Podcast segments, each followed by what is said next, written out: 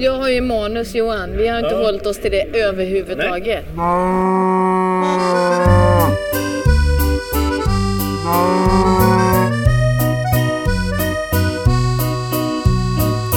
Det här är Ostpodden och jag är Johan.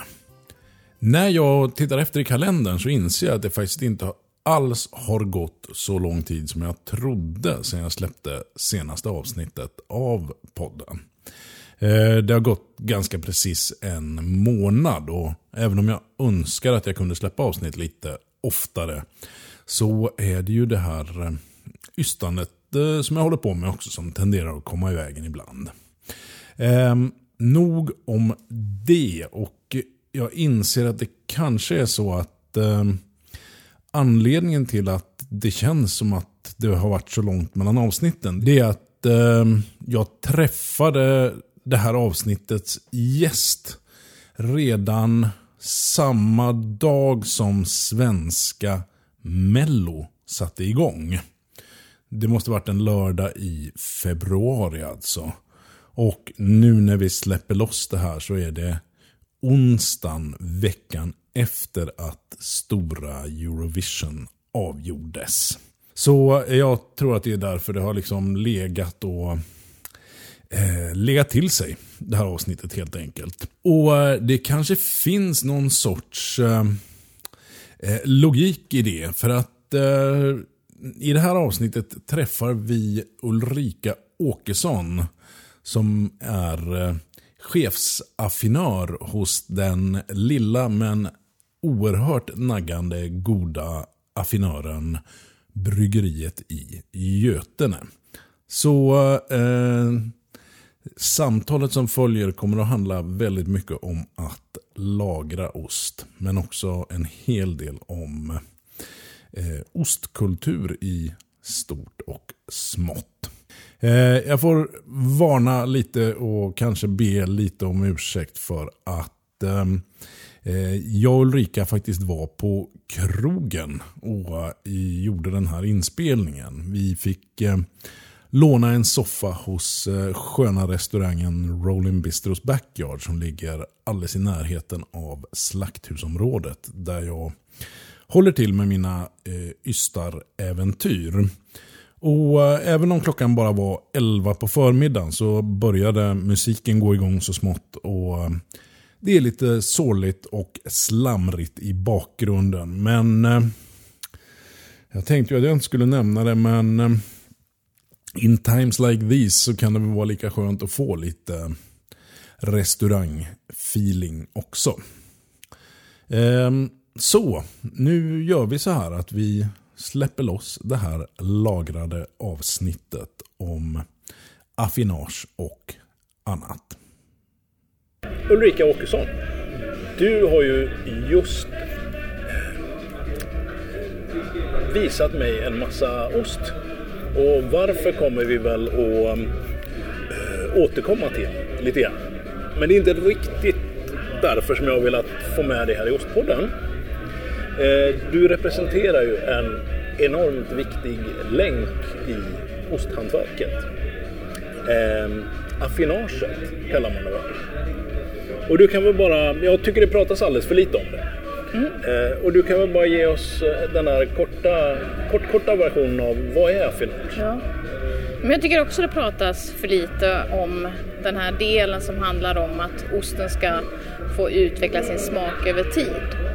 Och det är viktigt att man pratar om mognadslagring, att man skiljer på det som kallas för kyllagring. Det vill säga att du ska förvara osten så som den är tänkt att vara för konsumenten och under sin restlöptid, då, under sin hållbarhetstid. Och att mognadslagra sin ost. Därför att när man, mognadslagrar osten, då tar man tillvara alla de egenskaper som ystaren har så att säga satt genom sitt recept, genom sin ystningsteknik och genom sin efterbehandling. Det vill man förstärka på olika sätt under mognadslagringen. Och det här kan ju ta väldigt lång tid. Det kan ta allt ifrån tre månader till tre, fyra, fem år innan osten verkligen har nått sin peak när det gäller en välutvecklad smak. Ja. Och, och du är ju här, du sysslar ju med detta. eh, inom ramen för något som heter Bryggeriet i Götene. Eh, det kan man ju tycka är lite missvisande. Men du kanske kan, kan förklara hur detta hänger ihop? Att eh, man heter Bryggeriet men är, ett, eh, är en affinör, heter det ja, så? precis. Eh, jo, först och främst finns det mycket kopplingar mellan god dryck och ost såklart. Eh, men det är inte därför vi heter Bryggeriet i Nej. Götene utan vi håller till i ett gammalt bryggeri. Bo, Bobergs bryggeri i Götene byggdes i början på 1900-talet. Ja, Där producerar man svagdricka, Trocadero och andra söta drycker. Trocadero. Ja. Ja, och den här eh, fastigheten då som ligger mitt i centrala Götene, den är väldigt väl bevarad. Den har kvar allt det genuina kring den hantverkstiden. Eh, Den har väldigt vacker källare med valmade tak och, och jag flyttade till Götene 1997 och redan då när jag såg det här huset så sa jag till min man då som bodde där sedan tidigare att där borde man ha en osthandel. Vi jobbade båda med ost då på den tiden i början på 90-talet. Ehm, och sen 2014 så blev det så att den här fastigheten blev till salu. Hade det varit bryggeri ända fram till 2014 då? Nej. Eller? Nej. Bryggeriverksamheten tror vi lades ner någon gång på 70-talet. Eh, Då köpte Ala upp den fastigheten för den ligger i- i nära anslutning till Alas eh, industriområde nu då. eh, Okej, för det finns ett mejeri i Götene också då? Ja, i Götene har vi ju Götene ysteri och smörtillverkning. Det är ju ett utav Ala största, ja det är det största ysteriet i Sverige när det gäller industriell produktion av ost Oj, och smör. Eh, Eh, så eh, ja, bryggeriet i Götene är alltså ett, eh, en unik hantverksmiljö där vi vill få vårt intresse för ost att bli verklighet helt enkelt. Och vi driver ju vår affinörsverksamhet helt småskaligt. Vi har liksom ingen... Ja, vi gör allting hantverksmässigt i, i verksamheten där då. Mm. Men ja, du höll på med ost har du gjort sedan länge då förstår jag. Men hur, var kommer det intresset ifrån från början? Ja, ehm, i början på 90-talet, eller under 90-talet, så jobbade jag några år eh, med ost. Framförallt export av ost. Jag jobbade då på något som heter Ala Ost och hade sitt huvudkontor i Växjö. Detta var före EU-inträdet. Ehm, Så vi hade stora förhoppningar om att bygga varumärken ute i Europa för den svenska kvalitetsosten. Jaha, Vi ska ju komma ihåg att i början på 90-talet så fanns det ju långt mer många eh, ysterier i Sverige än vad det finns idag och det fanns ett bredare utbud av stor produktion av ostar. Vi hade koggost, vi hade gräddostar ifrån Västervik, vi hade Åsedaosten i Ja, Åseda det. Ja, vi hade stor rundost från Borgholms mejeri till exempel. Vi hade bred flora av fantastiskt bra kvalitetsost och det här såg vi framför oss att hela Europa skulle längta efter när vi då gick med i EU 1995. ja. Alltså det var någon sorts inför EU i alla fall som det fanns en plan där? eller? Ja, ja. precis. Eh, Så där jobbade jag då och fick kontakt med många utav de här mejerierna. Vi skulle ju liksom jobba upp ett sortiment och skapa varumärke kring det här. Eh, Och jag vill väl mena att vi lyckades ganska bra.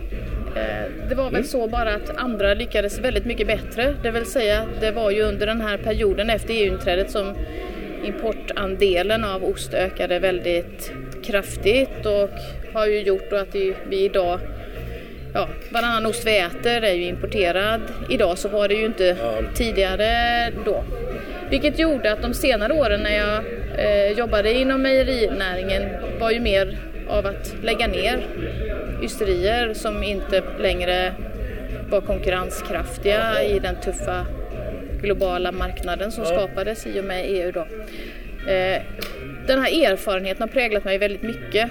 Eh, Erfarenheten av att se eh, duktiga människor, hantverksmänniskor skaffa sig nya arbeten, inte inom mejerinäringen. Nej. En osttradition som lite grann tunnas ut och Kunskap som går förlorad. Ja, och att högkvalitativ ost är någonting vi köper från andra länder och inte sånt vi uppskattar eh, lokalt. Nej. Ehm, och det där har följt med mig. Jag har ju jobbat med livsmedel i princip hela mitt yrkesverksamma liv. Inte bara med eh, mejeriprodukter då, utan jag har Nej. jobbat även med köttproduktion och, och så då.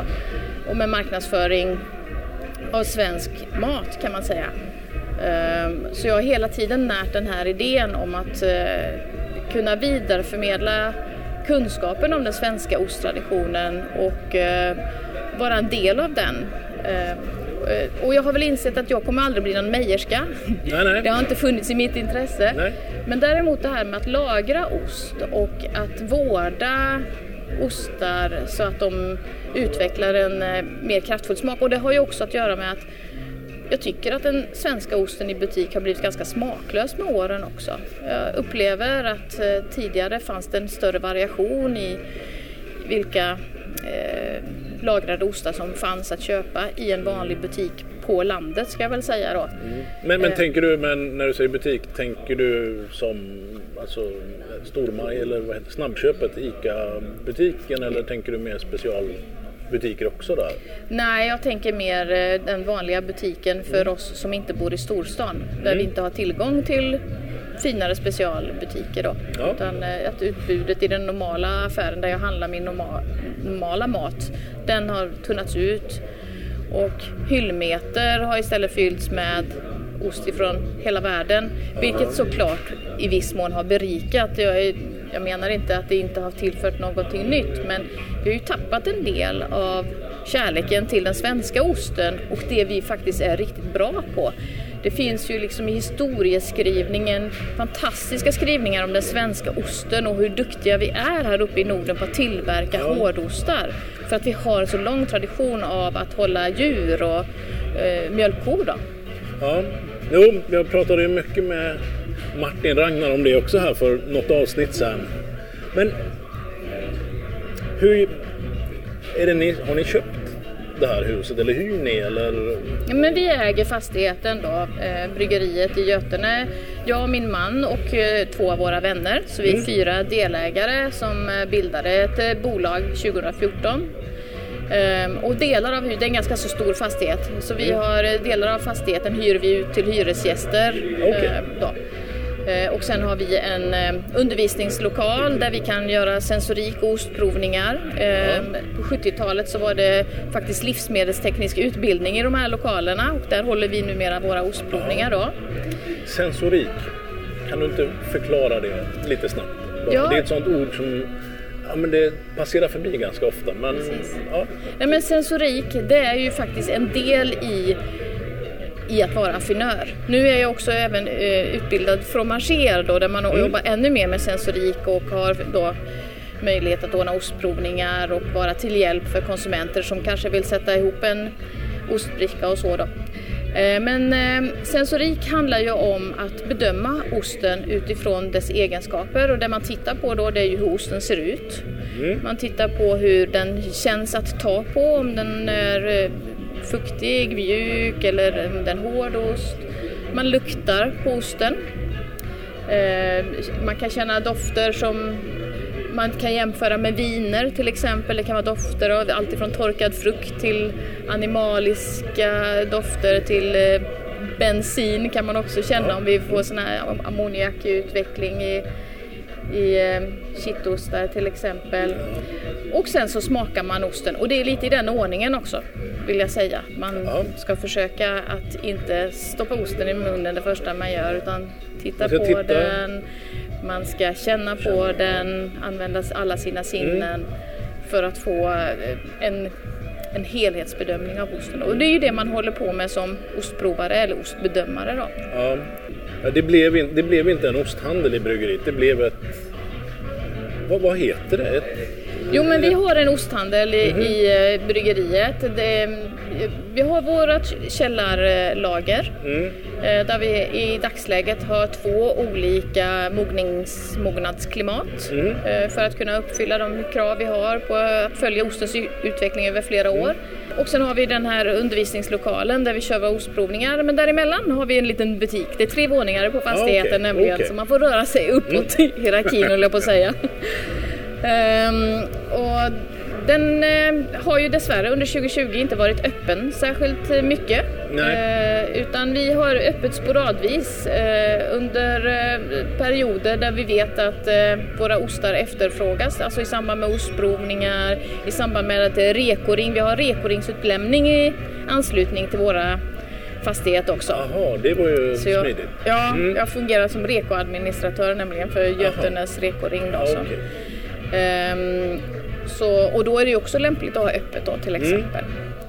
Ehm, men mer och mer använder vi oss faktiskt utav rekoringar då för att nå direkt till konsument. Mm. Och nu har vi hållit på några år så vi har ju skapat oss en del relationer med sådana som driver saluhallar och delikatessbutiker så vi har ju även då eh, sekundär försäljning på det sättet. Ja. För jag tänker, ni startade 2014.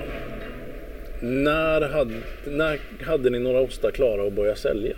Det hade vi egentligen från dag ett. För att när vi höll våra första ostprovningar då var det inte ostar som vi själva hade mognadslagrat utan vi började med ostprovningsverksamheten ganska direkt. Jag tror vi hade den första i februari 2015 eh, hade vi det då. Ja. Sen ska jag säga då att jag och min man vi har lagrat ostar hemma i alla år tidigare också så vi hade nog någon vällagrad ost som vi själva hade pysslat om också. Men Ja, ja, eh, vad kul. alltså hjärtat och själen i det vi gör det är ju att vi vill förmedla goda ostar tillsammans med mer kunskap om den svenska osttraditionen. Varför smakar en grynpipig ost som får lagras i minst 36 månader mer? Eller varför behöver man lagra en cheddarost för att den ska smaka någonting? Vi, vi köper ju mycket cheddarost i butiker som är sex månader och nästan inte smakar någonting. Det är en sån otrolig skillnad på en cheddarost som har legat i två, tre år. Ja. Jag hade en 33 månaders före jul. Och det var ju... Ja, det går inte att jämföra de Nej. ostarna egentligen. Det, Det, det är nästan att vara lite oförskämd mot en ystare att inte låta osten vara i fred den Ja. tid den behöver och pyssla om den. För det är ju så, den ligger ju inte på sitt lager orörd utan du får ju hela tiden se till då att temperatur och luftkvalitet håller måttet för att det inte ska bli oönskade tillväxt eller, eller att osten torkar ur för fort. Och, ja, du producerar ju Ja, det själv ost Johan så du vet jo, hur det här jag, det fungerar. här tycker jag... Ja. jag försöker förstå. Eh, man förstår väl lite mer hela tiden. Men, ja, men hur går det till? Alltså om, från början. Ni köper in ostar. Ja, Hur väljer ni ost? Vi väljer egentligen inte ost utan vi väljer duktiga samarbetspartners. För vår verksamhet bygger på att man känner till den som har ystat osten. Att vi vet vad, vad är intentionen hos den här ystaren när han har, eller hon, mejerskan, har gjort den här osten. Vad är det för mjölkråvara man använder? Vad är det för kultur man har använt? Och har man förberett osten för att kunna långlagras? För vi kan ha en eh, prästost från olika ysterier i vårt lager och de kan bli helt olika därför att förberedelsen för en långlagring har inte funnits där. Så vi måste känna ostystaren eller mejerskan för att kunna göra ett bra jobb.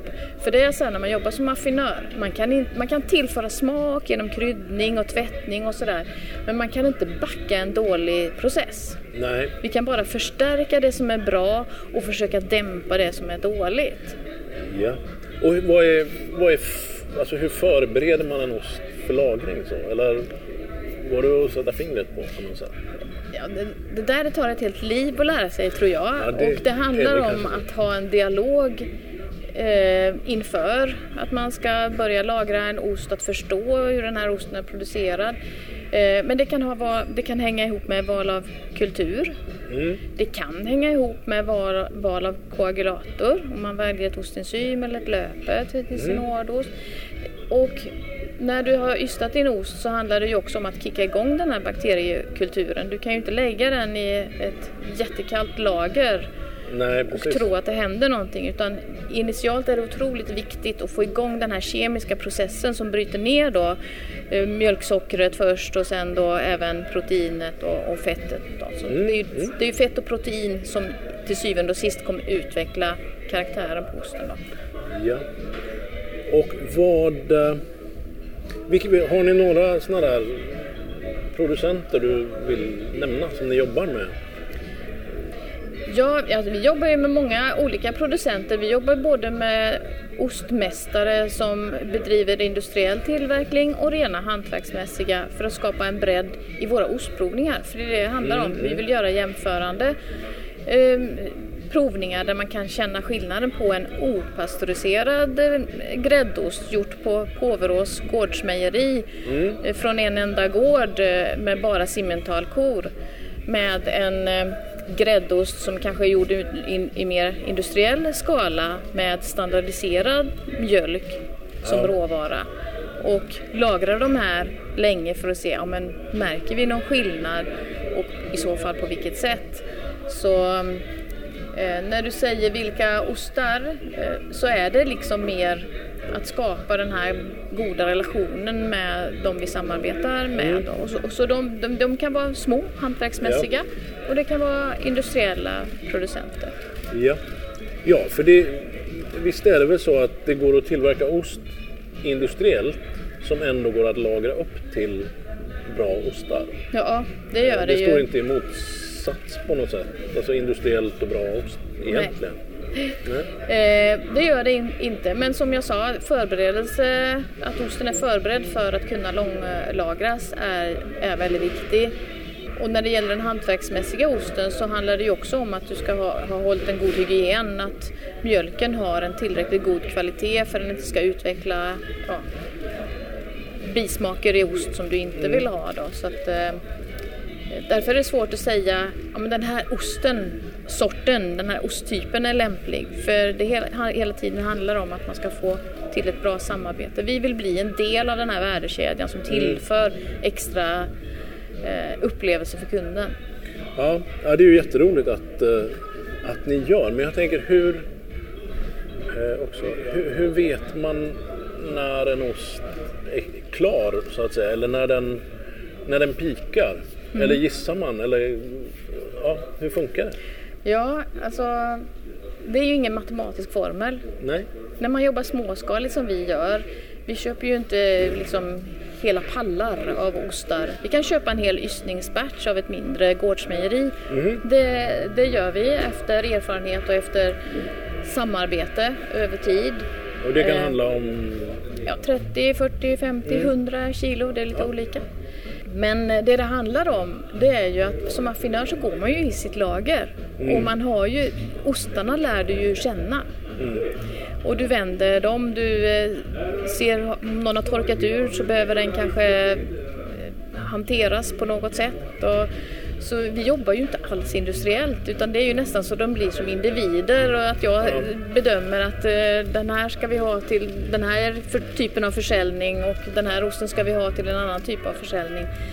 Eh, och man är hela tiden närvarande i sitt ostlager för det kan hända saker snabbt ibland och då behöver man agera. Och då handlar det inte om att osten har blivit tre år utan den kanske bara är 12 månader men det har hänt någonting. Vi behöver bedöma den här nu.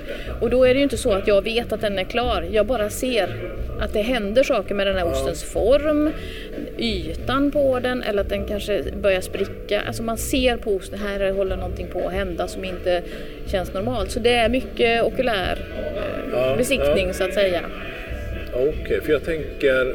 för- det, ostar, de är individer. Det är inte så att ett yste beter sig på samma sätt heller. Säg att ni har, eh, bara hitta på, tio ostar som ni har köpt ur ett... Säg att ett helt yste skulle bli tio ostar då.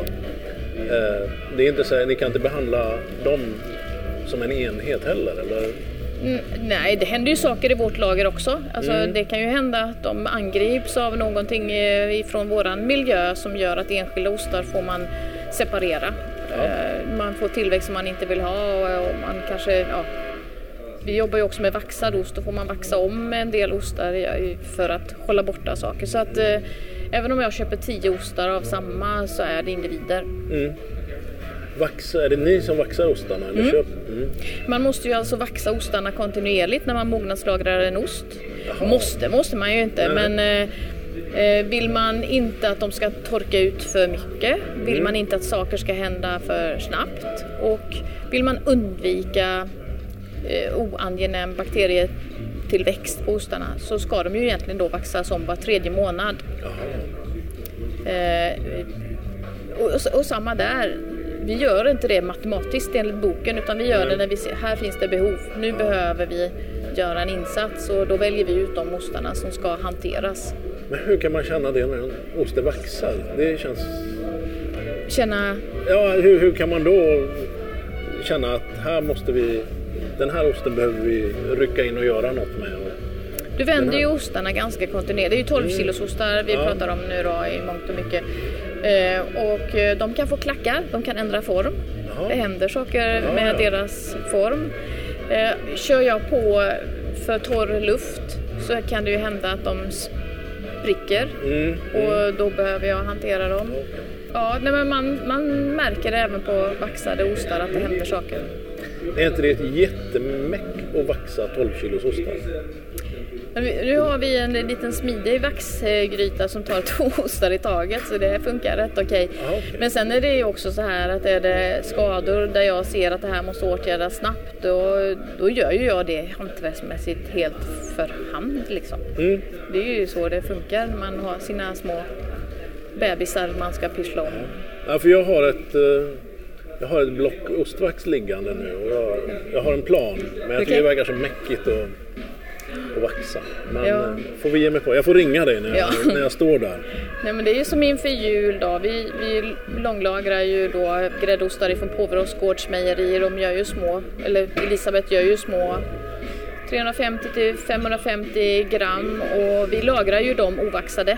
Och sen när de ska ut så vaxar vi ju dem och då är det ju, det är tomteverkstad liksom. Det är ju för hand, vaxa ost för ost. då. Det är Ja. lite mysigt, det är lite terapi. Och, Ja. och stå och pyssla med det där faktiskt. Ja, Ingen stress. Nej, Lugnt men det är väl så att man ska, man ska undvika det. Så, så blir det lite lättare. Eh, Men hur mycket, hur mycket ost har ni liggande? Sa du det?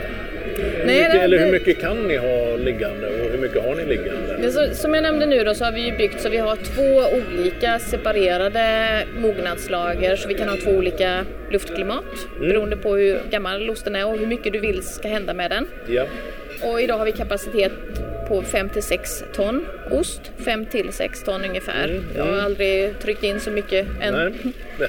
Eh, 2020 var ett år då vi faktiskt skalade ner vår verksamhet, köpte inte in lika mycket ost. Så jag skulle väl tro att vi idag har en tiondel av det i vårt lager. Jaha. Så vi var ganska pessimistiska för ett år sedan och kände att eh, här vågar vi nog inte riktigt, vi vet inte vad det tar vägen. Eh, Nej. vilket vi inte hade behövt alls för vi hade en jättefin utveckling Jaha. försäljningsmässigt Under- under 2020. Ja. Tack vare duktiga detaljister som gillar våra ostar och restauratörer som hör av sig och vill ha våra ostar på menyn och sådär. Så att eh, det har, det har gått ändå. Det är Ja. fantastiskt med sociala medier, du vet. Ja, det är mycket som man kan klara där. Ja. Ja. Det var så jag hittade det, Ja, om inte annat. precis. Vad, men, mm, vad är... Eh, det är hårda ostar som man lagrar. Så är det. Jag har faktiskt lagrat en del dansk kittost också. Eh, tänkt att det här kan bli vad som helst. Men får du ta, vi har kontakt med ett danskt eh, småskaligt ysteri som är specialiserat på den här Danbo-typen av ost. Då. Eh, och han övertygade mig om att Ulrika, det funkar visst att mognadslagra våra ostar. Så du kör ju inte dem lika länge för Nej. det är ju tvättade ostar, det händer ju saker mycket snabbare med dem. Men eh, vi hade långlagrade, de var väl uppemot 12 månader i alla fall då. Eh, Utan att få allt för amper eller för bitter efter ton då som det kan bli om de Ja, för de kan jag tänka mig kan skena iväg ja. ordentligt. Om man, Men då får man ju tänka och anpassa efter det. Du får Ja. kalla det klimat, alltså du får dämpa det så pass så att du ändå kan skapa mervärde i, i, i din process. Annars är det ju ingen idé. nej, Om du inte nej. utvecklar någonting extra så är det ju ingen idé. nej, det är klart. Det, eh, då kostar det ju bara pengar Ja. att ha dem liggande. Eller hur? Ja. Men det vad- hoppas vi ju på att vi ska öppna den danska gränsen så vi kan få in. För vi har många kunder som tyckte att det här var en fantastiskt trevlig ost att få köpa Ja. just då, en dansk kittost som är småskaligt producerad. Ja, den låter ju jättespännande. Mm. Har ni någon ost som har legat där ända sedan ni startade? Jag tror faktiskt inte vi har det. Nej. Det gick åt. Ja. Hur länge lagrar ni? Det längsta som ni har lagrat som blir... För det är ju inte så att ju längre man lagrar desto bättre, eller hur? Nej, det ska man ju faktiskt verkligen eh, komma ihåg. Nej men längsta, säg eh, fyra år då. eh, Är väl det längsta. Alltså, tiden är inte det som är viktigt för oss Nej. egentligen utan det är ju mer att man vill tänja gränserna då för att se hur, vart går gränsen då till att den slår över. För så blir det. Mm. Det blir ju inte gott om den får ligga för länge i en ost utan det finns Nej. alltid ett slutdatum på när affinören inte kan göra mer. Ja, nej för jag vet, jag handlade en... Kan ha varit en Conté eller en dans, Det är ganska länge sedan. Men där handlaren sa just att ja, men den här är 36 månader. Och det är nästan inga av de här ostarna som klarar så mycket. Utan de pikar vid 24. Men den här var han så nöjd med att han hade hittat också. Så att, eh, ja men uppenbarligen är det... Vad är, vad är det som, kan man säga, vad som gör den skillnaden? Är det något, Alltså, nu nämner du ju alpostar då eh, och det märker vi också när vi lagrar herrgård och grevé då som är ju också pressade rundpipiga ostar att eh, de är tuffare att lagra länge. Jaha, För att smaken kan gå över till en bitterness. Alltså de här termofila bakterierna har inte samma uthållighet på något sätt smakmässigt som våra mesof- jag säger våra, för Ja. våran tradition bygger ju egentligen på mesofila bakterier, alltså våra syrliga prästostar och svesiaosten och och det är syneskulturer som är mer som filmjölk än som Ja. yoghurt kan man väl Exakt, ska, mm. precis. Ehm, och jag upplever att de är mycket lättare att lagra länge. De, de håller sin både textur och smak ja. eh, på ett bättre sätt länge. Och det märker det hör, prästostar och många injicerar ju med sprit och annat och de Ja. kan ju bli både fem och sex år gamla och fortfarande ha en fantastiskt god karaktär. Då. Eh, Medan de här eh, rundpipiga under vasslen pressade ostarna kan tendera att få en eh, bismak som inte jag i alla fall tycker är angenäm. Som blir lite en bitterhet, en amper smak som inte lika tilltalande. Sen så ska jag säga att det här med smak är ju så subjektiv och det är ju det som gör det så roligt. För det finns ju nästan alltid en köpare till, eh, till en bit ost som, vill komma in, som kommer in och vill ha det där absolut starkaste du har i en grevé. För det är det man kommer ihåg kanske från när man var barn eller något sånt Ja, där. ja. Så att, eh, eh, det är svårt det där att säga att så måste den vara liksom. Ja, men, men är det inte det också att menar, om det är du då som affinör till exempel eh, så är ju det, har ju du frihet att bestämma att det här är bra på något sätt. Och det är väl det som är, är det inte affinörens ja, också bidrag eller, Jo. eller signum på något sätt? Precis som att olika ystare gör, tolkar ostar på olika sätt. Jo, nej men så är det ju. Det är, det är ju någonstans eh, jag som sätter gränsdragningen. Nu behöver vi, vi, eh, vi slutlagrar den här osten, alltså lägga den kallt. Ja, För den blir inte bättre. Men det är klart om jag har en kund hos mig som säger att han absolut vill ha det så emotsäger man ju inte det för vi har Nej. ju vi har ju olika preferenser när det gäller hur mat och hur ost ska smaka. Ja, nej men jag är ju en ivrig påhejare av att man får göra som man vill. Eh, både vad gäller hur man äter sin ost och vad man dricker till och så. Bara man ser till att, att njuta. Men, eh, eh, men på något sätt ändå så är det ju ni som, som i slutändan ska Ja. bestämma. Jo, så är det ju. Och jag- det får jag väl erkänna då att ibland så kan jag väl få något tillrättavisande av min svärfar då som är före detta ostmästare och är uppvuxen med runmärkning av de klassiska svenska ostarna. Att nu. Ulrika, den där, Okej. det där är inte enligt nomenklaturen. Nej, nej, runmärkning, är det... Ja, det fanns ju tidigare när vi hade Sveriges eh, SMR fanns och man faktiskt provade ostar eh, på ett mer objektivt sätt. Alltså, man hade ju en, eh, ostprovningar av alla prästostar i Sverige för att så att säga sätta en standard för hur en prästost i Sverige ska smaka. Så är det ju inte riktigt idag då.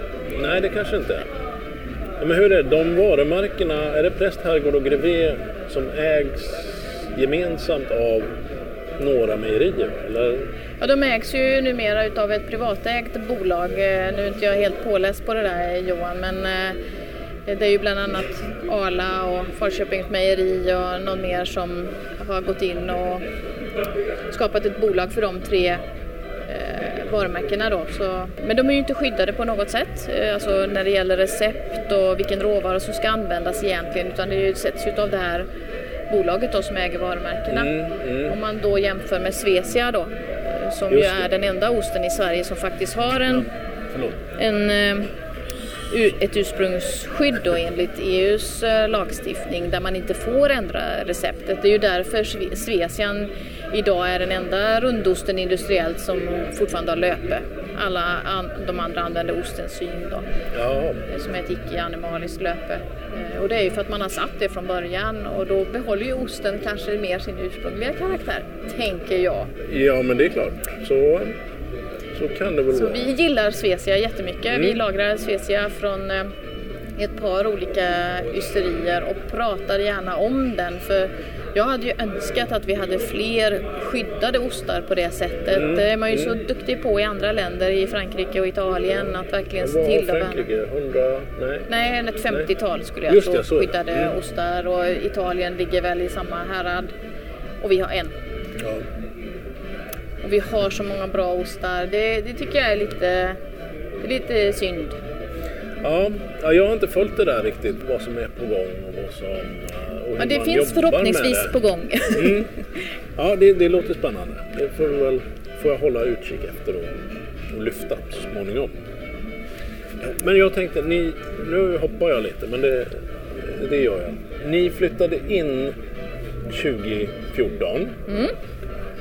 Vad, det kan ju inte ha varit klart för att bara sätta igång och lagra ost då. Vad fick ni, ändå, vad fick ni Det göra? faktiskt, Vad- det, mm. när vi köpte bryggeriet 2014, det första vi gjorde var att inrätta ett kyllager i källaren. Innan Mm. vi gjorde någonting annat i hela fastigheten så inrättades det ett kyllager och vi köpte in ost. Det var faktiskt det första vi gjorde. Mm. Så första ostprovningen då, som jag sa ju faktiskt var ganska tidigt, Ja, den höll vi i eh, ja, den gamla butikslokalen. Det var liksom knappt ens målat och vi lånade in bord och stolar och, och liksom, så vi har växt in i det här med åren. Men Mm. grunden och början, det var att vi hade ett mindre och det var, det var ett mindre kyllager då som Ja. vi installerade. Då. Och då hade ni ett och nu har ni Nu har vi två. två och där kan ni hålla olika klimat Yes. och sådär. Ja. Ehm, vad, vad stötte ni på? Det är alltid roligt att veta. Ni måste, det kan ju inte ha bara...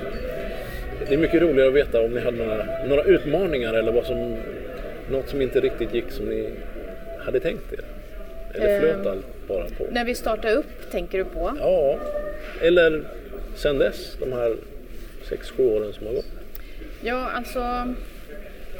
Jag vet inte om man är naiv i det här att eh, alla ska förstå att affinage är ett hantverk i sig men vi kan ju inte leva, som, leva på att vara affinörer och definitivt inte vara småskaliga affinörer. Det finns ju ingen i Sverige som lever på att mognadslagra ost. Nej? Eh, Det gör man ju i andra länder. I andra länder är det ju ett mer accepterad del i värdekedjan då. Eh, Så utmaningen som jag har märkt efter tid det är ju att eh, öka förståelsen för att vi i vår, bland våra egna, att vi kan vara en samarbetspartner till fler gårdsmejerier. Det har jag tyckt varit den största utmaningen. Ja, Att bygga upp det här förtroendet och få till de här samarbetena. För eh, man ser inte affinören som, som ett eget yrke. Då. Nej? Så det är faktiskt det som jag har tyckt varit den största utmaningen. I, i, Att ta plats?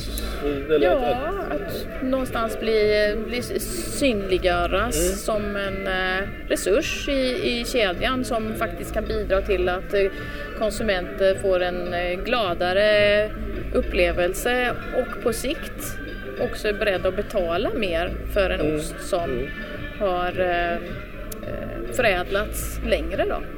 Ja, och kanske av en, en expert på sitt område. Eh, Eftersom ni är ju bara fokuserade på affinaget. Och, Ja. Vi tänker ju också att vi kan lyfta en del av risken hos den som är mer duktig på att producera sin ost och kan koncentrera sig på den processen som är nog så komplicerad.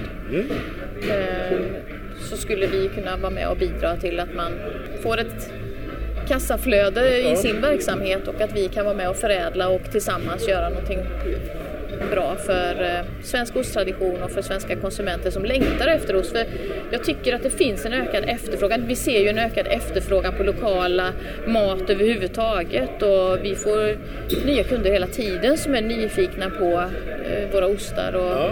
och så. Men har, är det så... Har, har 2020 och pandemi och allt sånt här gjort oss lite mer medvetna om, om vår kanske bristande självförsörjningsgrad? Eller som du sa tidigare här att vi har kommit att importera väldigt mycket ost då för att vara eh, zooma in på osten just. Det känns lite grann som att man är mer medveten om det svenskproducerade, närproducerade. Alltså, jag är helt övertygad om att vi kan påverka konsumenters attityder genom att lära dem mer. Lära dem mer om vad som är bra mat och vad som är god mat och så. Och jag är helt säker på att coronapandemin har hjälpt till. Frågan är bara hur. Eh, för, för jag hör, jag jobbar ju med rekoringar också som sagt och där hör jag ju mycket av att man vill stötta den lokala företagandet. Ja. Och att det kanske är det som är ett mer kraftfullt incitament än att jag vill välja bättre mat eller jag vill välja godare mat. Eh, och varför jag tycker det är viktigt är för vad händer efter coronapandemin? Kommer man falla tillbaka i ett gammalt köpmönster och tycka att den italienska eller franska eller spanska osten är värd ett högre pris Ja, ändå? Ja. Har vi byggt någon ökad betalningsvilja med det här eller inte? Eh, Det är jag inte lika säker på. Eh, Utan vi, har, vi behöver hjälpas åt här Ja. tror jag för att öka förståelsen för att vi i Sverige har en lång tradition av att göra riktigt bra ostar och vi har väldigt mycket kunskap om att, och vi skulle kunna växla upp och göra mer bra svensk ost i Sverige om efterfrågan fanns. Ja, nej men det är ju, ja, så långt har inte jag tänkt ens. Jo men det tänkte jag, du, du pratade om att ni hade lagrat ost eh, eller affinerat ost hemma innan ni startade bryggeriet. Kan man, kan man hobbylagra ost? Och hur ska man tänka i så fall? Ja, jo men du kan eh, lagra ost hemma. Eh, man kan inte lagra en eh, ostbit som är köpt i butiken, men Nej. man kan ju köpa en hel ost. Många köper ju till exempel en hushållsost och lägger i svalen och väntar på att den ska smaka lite bättre till jul och sådär. Ja men det är ju populärt. Det, ja. ja. Jag är inte själv så förtjust i, i, i det för jag tycker att hushållsosten innehåller så mycket vatten som ligger och surnar i den här påsen så jag tycker det blir ganska surt. Och, Men det, det, en del älskar det. Eh, Men vi har, vi har ju lagat mycket kvibelostar ju, som har både duk och är vaxade och faktiskt andas. Och de Ja. fungerar, det är ganska enkelt att långlagra dem om man bara ser till att ha ett jämnt och bra klimat. Du kan ju inte ha den i kylskåpet utan du måste ju hitta en eh, lite varmare miljö. än- För det händer Ja, inte mycket om den ligger i Ja, kylskåpet. men Då pratar vi 12 grader kanske? mellan eller 12 något? och 16 eh, grader och en jämn temperatur. Alltså du kan nästan jämföra det här med att du mognadslagrar vin. Det är Ja, ja. liknande Ja det kan jag miljö. det- och, och nu finns det ju många fina eh, nya eh, cheddarostar från gårdsmejerier som Mm. jag är jättenyfiken på. Jag hade verkligen önskat att få utveckla eh, svensk eh, cheddarost ännu mer. Det här med att vi finns i Götene och att jag gillar att prata om svensk osttradition. Det handlar ju mycket om att just bygden kring Skaraborg, alltså Falköpings kommun är ju den kommun i Sverige som per invånare producerar mest mjölk i Sverige. Eh, och i Skaraborg finns det ju verkligen mycket mjölkproduktion. Och då är man ju så nyfiken på varför blev det så då? Mm. Och tittar man tillbaka på historien, det här kanske ni pratar om Martin Ragnar också då, men just i vår bygd så har det ju producerats mejerivaror sen ja, kristnandet och före kristnandet också. Ja, ja. För det kom det- munkar eh, till, eh, vi har ju Barnhems kloster och det fanns andra kloster runt Mm. omkring. Och bygden kring Kinnekulle var mycket storgods och det var på storgodsen man tog in då duktiga mejerister ifrån Schweiz och andra länder och utvecklade till exempel herrgårdsosten. Det var ju först i Marsviksholm som man Ja, tog fram ja. herrgårdsosten. Den Men man, det finns också jättetydliga belägg på att utanför Lidköping på ett gods som heter Skofteby gjorde man också väldigt tidigt herrgårdsostar. Jag har också läst i litteraturen att ut mellan Skara och Götene där vi bor, där finns det ett slott, Mariedals slott. Och där producerar man tidigt cheddarostar som faktiskt Mm. exporterades till England, vilket ju är jättehäftigt. Cheddarens... eh, Ja, jo men det hörde jag Huvudland. nog om ja. ja. Så det är ju också det som har gjort att jag tycker det är så häftigt att eh, bedriva affinage just i den här bygden och i den här trakten och försöka hitta de här eh, historien som knyter ihop den eh, västsvenska osttraditionen då. Jo men det är väl lite, det kanske jag tar i. Men vad jag förstår, det är väldigt mycket som har hänt. Väldigt mycket osthistoria som, som tar sitt avstamp i, där någonstans i Västergötland. Ja, det finns ju andra områden också. Vi har ju Kalmar, är också ett stort eh, mjölkbälte. Eh, och vi har ju haft fina ysterier i Borgholm och Kalmar och Västervik. eh, Och där fanns ju också i Småland ett fint område som gjorde mycket goda ostar också. Eh, men tittar man på andelen gårdsmejerier idag i vår trakt här, då är den ju inte så stor om vi ska tänka oss sådana som vi verkligen hittar i butik, som inte bara har sin egen gårdsbutik utan som faktiskt når oss konsumenter. Där har ju våra norrländska vänner varit mycket duktigare och det finns ju mycket mer gårdsmejerier uppe i, i de norra delarna av Sverige Ja, än här då. Eh, Så jag är fram för mer duktiga gårdsmejerister här i Ja. vår trakt tycker jag. Dyker Och framförallt då som gör hårdostar. Ja, ännu mer Eftersom så. vi kikar efter dem Ja. Mm. allra särskilt då. Och vill väldigt gärna finna nya samarbeten med sådana som vill satsa på hårdost då. Ja, ja du nämnde Påverås. Ja, Ehm, har vi några andra sådana där? som är mindre man- här runt omkring. Ja, som man skulle kolla in. Tycker du? Vi jobbar ju med Falköpings mejeri såklart. Nu är ju det mer industriell tillverkning eh, då i, i de här sammanhangen. Men eh, de är ju också duktiga och de gör ju också Svecia vilket är väldigt eh, roligt att det är någon mer än de stora jättarna som gör eh, Sveciaost då, som är ju då den enda Lagrar skyddade ni osten. deras Svecia? Ja. Alltså? Mm, kul. Det gör vi bland annat då. Ehm, och det är svårt att inte prata om Skaraborg utan att nämna Almnäs eh, ostar såklart. Eh, nu är ju de otroligt duktiga även på affinagedelen Mm, ja, eh, och har ju satsat väldigt mycket på det också. Jaha. Så jag har stor respekt för det de gör och de är väldigt duktiga och har ju satsat då på att exportera svensk ost. Så det är ju verkligen ett gott föredöme för vår bygd. Ja, ja, men de går väl mycket på, på utlandet vad jag förstår. Mm. Ja, det är jättekul. Och som vi konstaterade tidigare här, det är ju väldigt fina ostar. Eh, Men din eh, ostkunskap, eh, eller till och med affinagekunskap då, så vet du att du har varit, varit ute och utbildat dig. Det Ja. måste vi få höra lite om.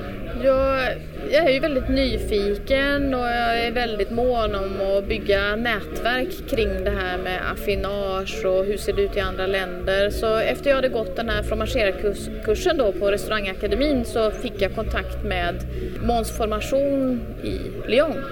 Det är en av Europas största affinörer, har flera källarlager runt området i Lyon, Avignon området är det ju då. Och de lagrar hårdostar och, och mjukostar, de lagrar alla, alla typer av ostar. Ja. Så eh, jag fick, eh, man får ju då ansöka om att få gå den här kursen, Jaha. en sån application. Och egentligen så ska man ju då ha gått någon form av ystningsutbildning så jag fick ju extra motivera för att Jaha. jag skulle bli antagen. Så för två år sedan så kom jag med på en kurs. Vi var sex deltagare.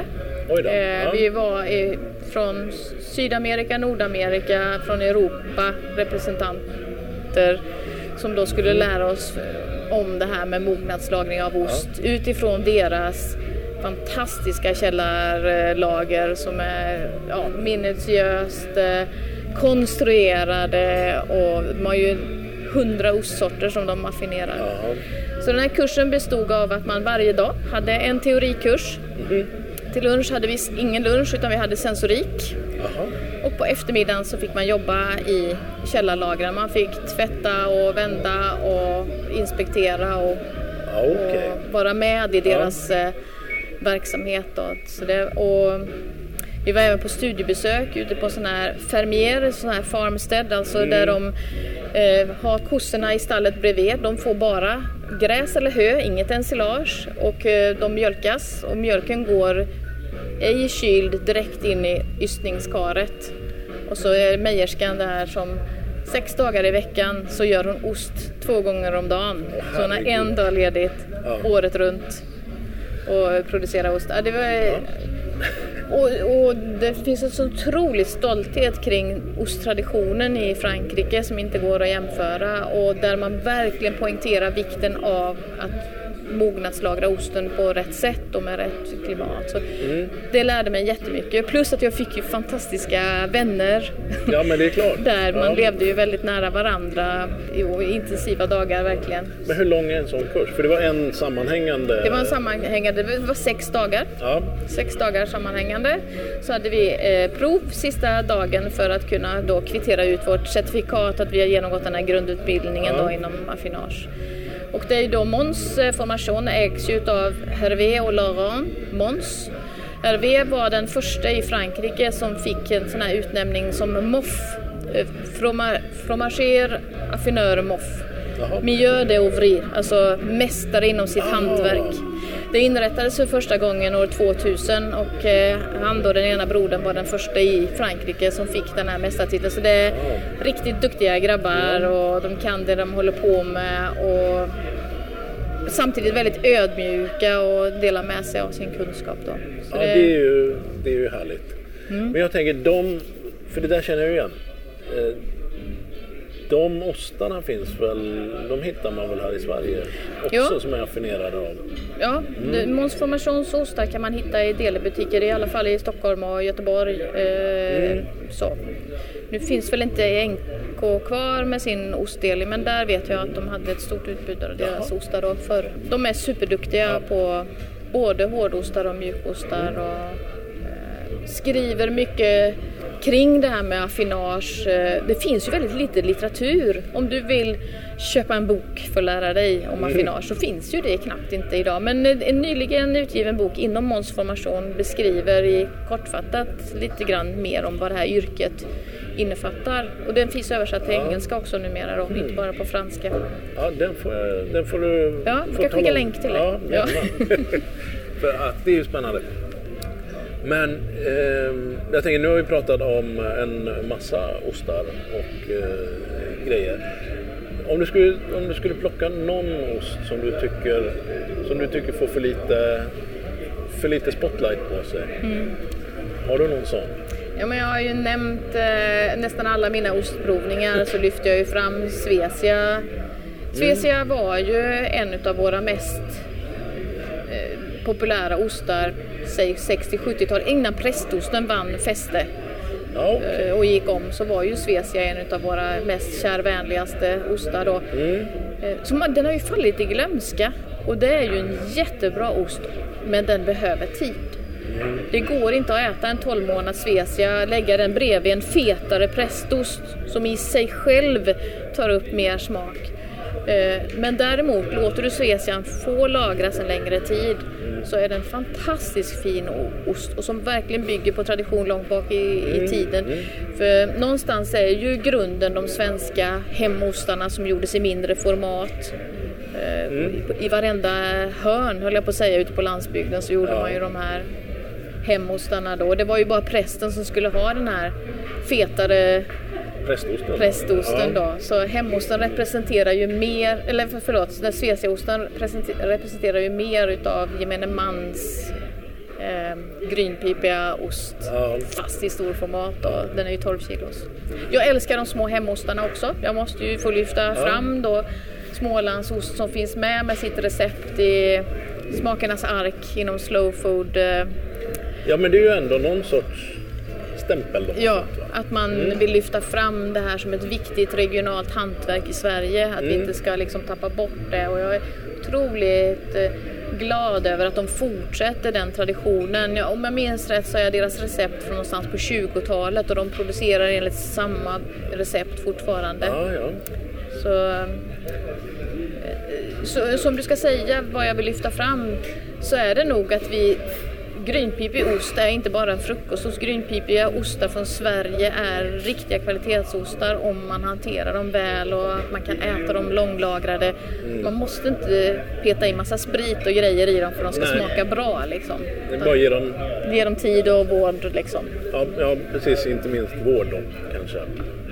Och eh, om det här är, är en fråga som jag alltid tycker är lika intressant att få svar på. Och det är om du säger att du skulle bjuda mig på en ostbricka eller något annat ostbaserat. Vad, vad skulle jag få då? Ja, alltså om man ska ge tips om ostbricka i vår butik till exempel om någon kommer in, då brukar jag alltid fråga vad tycker du själv om för ost? Så man bygger på det. Tycker man om då de här lite syrliga eh, Svecia prästost typ eller tycker man om de här nötiga karamelliserade mer eh, kontinentala ostarna? Och så får man liksom utgå från det. Så säg nu då att du gillar Ja, du, du, det är du som gör det. Du ska bjuda mig. Så får du... Nej, men vi tar båda. Om vi säger att någon säger att Nej, men jag gillar verkligen en vällagrad sveciaost. Okej, då har vi ju en, lite syra i den här osten. Då skulle jag ju tycka att man skulle ha en frisk citrusmarmelad och något surdegsbröd nybakat eh, som man kanske till och med har grillat lite grann. Eh, och sen skulle man ha något man kan till och med ha något bubbel till det. Man kan ha någon Det låter gott. Eh, ja, något bubbligt. Det behöver inte vara alkohol utan det kan ju vara någon riktigt god eh, torr cider till exempel. Ja. Som också har lite syra i sig. Så då får man en fin balanserad eh, eh, tallrik. Om vi nu ska tänka... Men jag får här- bara en ost där alltså. Ja, alltså ska du kombinera då en vällagrad specia med någonting som ska, du ska dricka bubbel till så hade jag tagit en, en gräddig brie. Alltså någon mjuk vitmögelost med ganska hög fetthalt tänker jag då. Det tror jag hade varit riktigt smarrigt till det.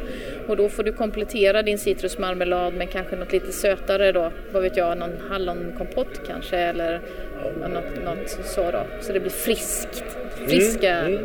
Om vi nu ska gå på de här eh, nötiga, karamelliserade, långlagrade alpostarna då, du vet. Riktigt gula, härliga som du nämnde, Comté och de här.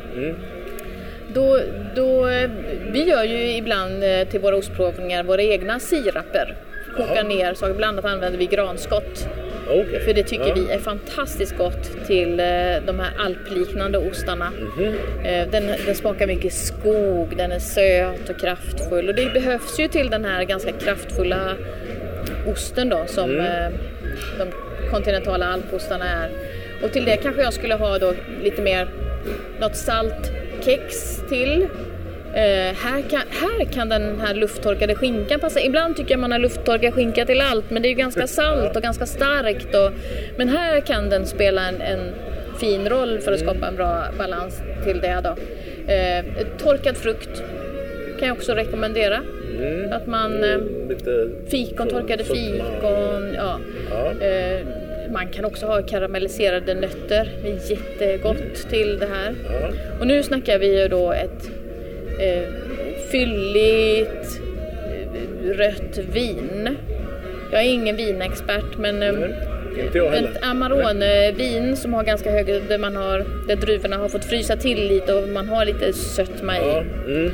Eh, Jag vet också att vi har fått rekommendation att porter fungerar väldigt bra i det här sammanhanget. Jag är ingen sån här jättenördig portervän men Jag har, sagt, jag har sagt det här så många gånger också i podden, men jag gör det igen då. Barley wine. Ja, just det. det, var det. Så, men, förstår du mina olika Mm, smakbilder här jag försöker måla fram? Ja.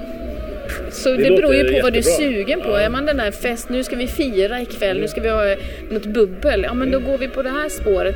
Men är det så här att nej nu ska jag bjuda in tjejen eller killen jag är lite sugen på att lära känna mer. Då kanske man ska gå åt det här lite mer. eh, Ja, men jag gillar att du är, ehm, vad ska man säga, inte minimalistisk men eh, fokuserad ost.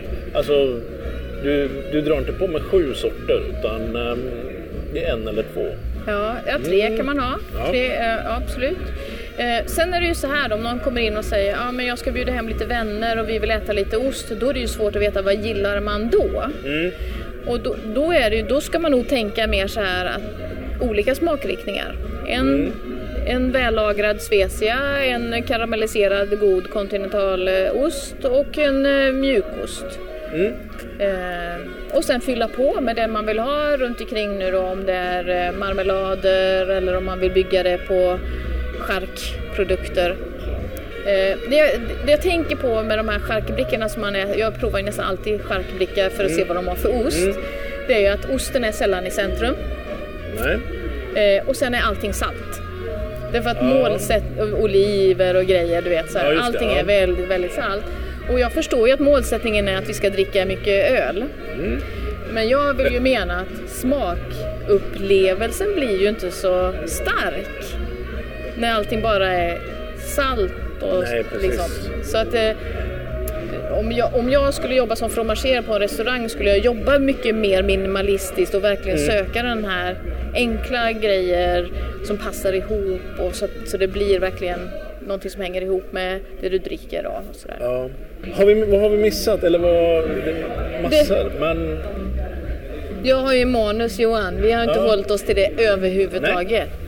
Det är jobbigt. det brukar vara poängen. Jag vet inte. Vi har ju pratat om det mesta. Nej, men har vi några, några rimliga avslutningsord då?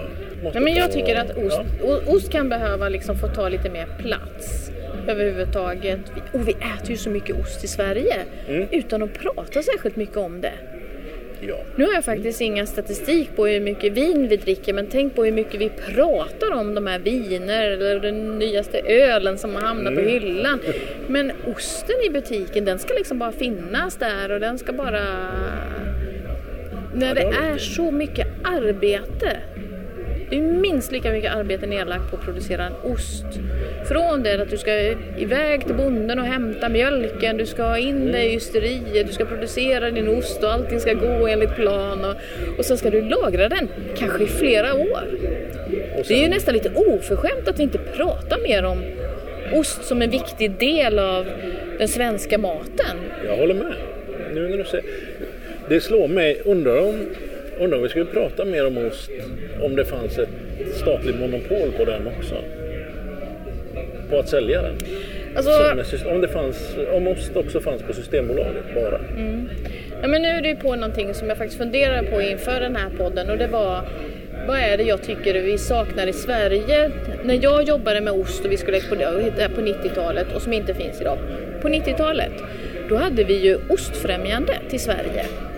Ostfrämjandet var ju en organisation som var ute och pratade, de var ute på ambassader och presenterade svenska ostar och de företrädde svensk ost ute på olika mässor och, och som en del av våran kultur, som en del av det vi vill erbjuda andra länder. Alltså man jobbade väldigt mycket med sam, samlad marknadsföring.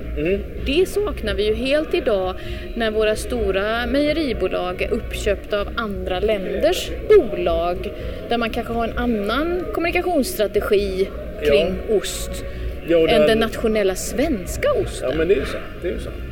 Ja, det är en sak. En annan sak är det här som vi var inne på lite, det var ju att när, när vi hade Sveriges Mejeriers riksförening eller vad det heter, SMR, och man faktiskt provade varandras ostar. Och man hade en, liksom en nomenklatur för hur ska en hemost vara eller hur ska en, om vi nu inte tar de här klassikerna utan tar andra ostar.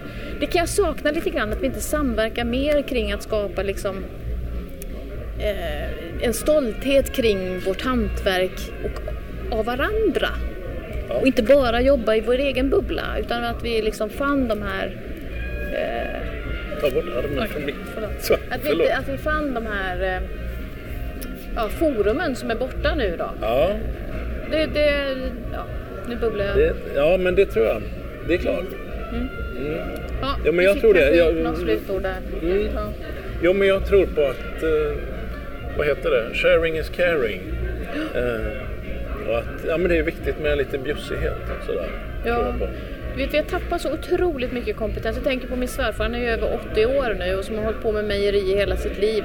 Under honom Mm. finns inte många du vet. Alltså, och de som finns, de har ju varit i mejerinäringen men gått över till andra branscher. Alltså, vi, vi har ju inte den här generationsväxlingen heller utan de som kommer nu, det är ju som jag. Vi åker till Frankrike och utbildar. Alltså, vi åker någon Ja, annanstans och ja. skaffar information. Vi bygger inte på den, vår egen tradition. Det är nästan lite farligt. Mm. Men du, Du förstår Ulrika, att hon kan prata länge. stort tack för att du tog dig tid till det här. Eh, Tack Så- själv Johan, det var ju roligt att få vara med och skapa någonting Jättekul. tillsammans med dig. ja. Ja, och där fick i alla fall jag mig en eh, eh, lite bättre bild av hur eh, viktig roll affinaget spelar i den här kedjan från ko till ost på var mans bord. Jag tycker också det är eh, kul, det, och kul och viktigt det Ulrika säger om att jobba tillsammans inom det här skrået med folk som, som gör ost och vurmar för att eh, vi ska få riktigt bra ost på det där bordet. Vad nästa avsnitt blir det inte riktigt helt spikat. Men eh, av de grejerna som är uppe i luften just nu så är alla superintressanta. Tycker jag. Och det kommer definitivt att bli en variation jämfört med vad vi har hittat på tidigare i vår. Och eh, Ostpodden håller igång hela sommaren. Det kanske blir ett eller ett par avsnitt här eh, under sommaren. Jag vet inte, kanske ger jag mig på att försöka göra de där eh, Ostpoddens sommarsnacks igen också. Vi får väl se. Men eh, för det här avsnittet återstår bara att eh, säga att eh, vi finns på Facebook och Instagram. Det gör också Cityysteriet. Kolla gärna in dem på Cityysteriet Gbg på Instagram. Eller bara Cityysteriet på Facebook. Och eh, med det sagt så återstår bara en sak att säga. Och det är det här har varit Ostpodden. Du har varit tapper. Tack så mycket för att du har lyssnat. Vi hörs snart igen.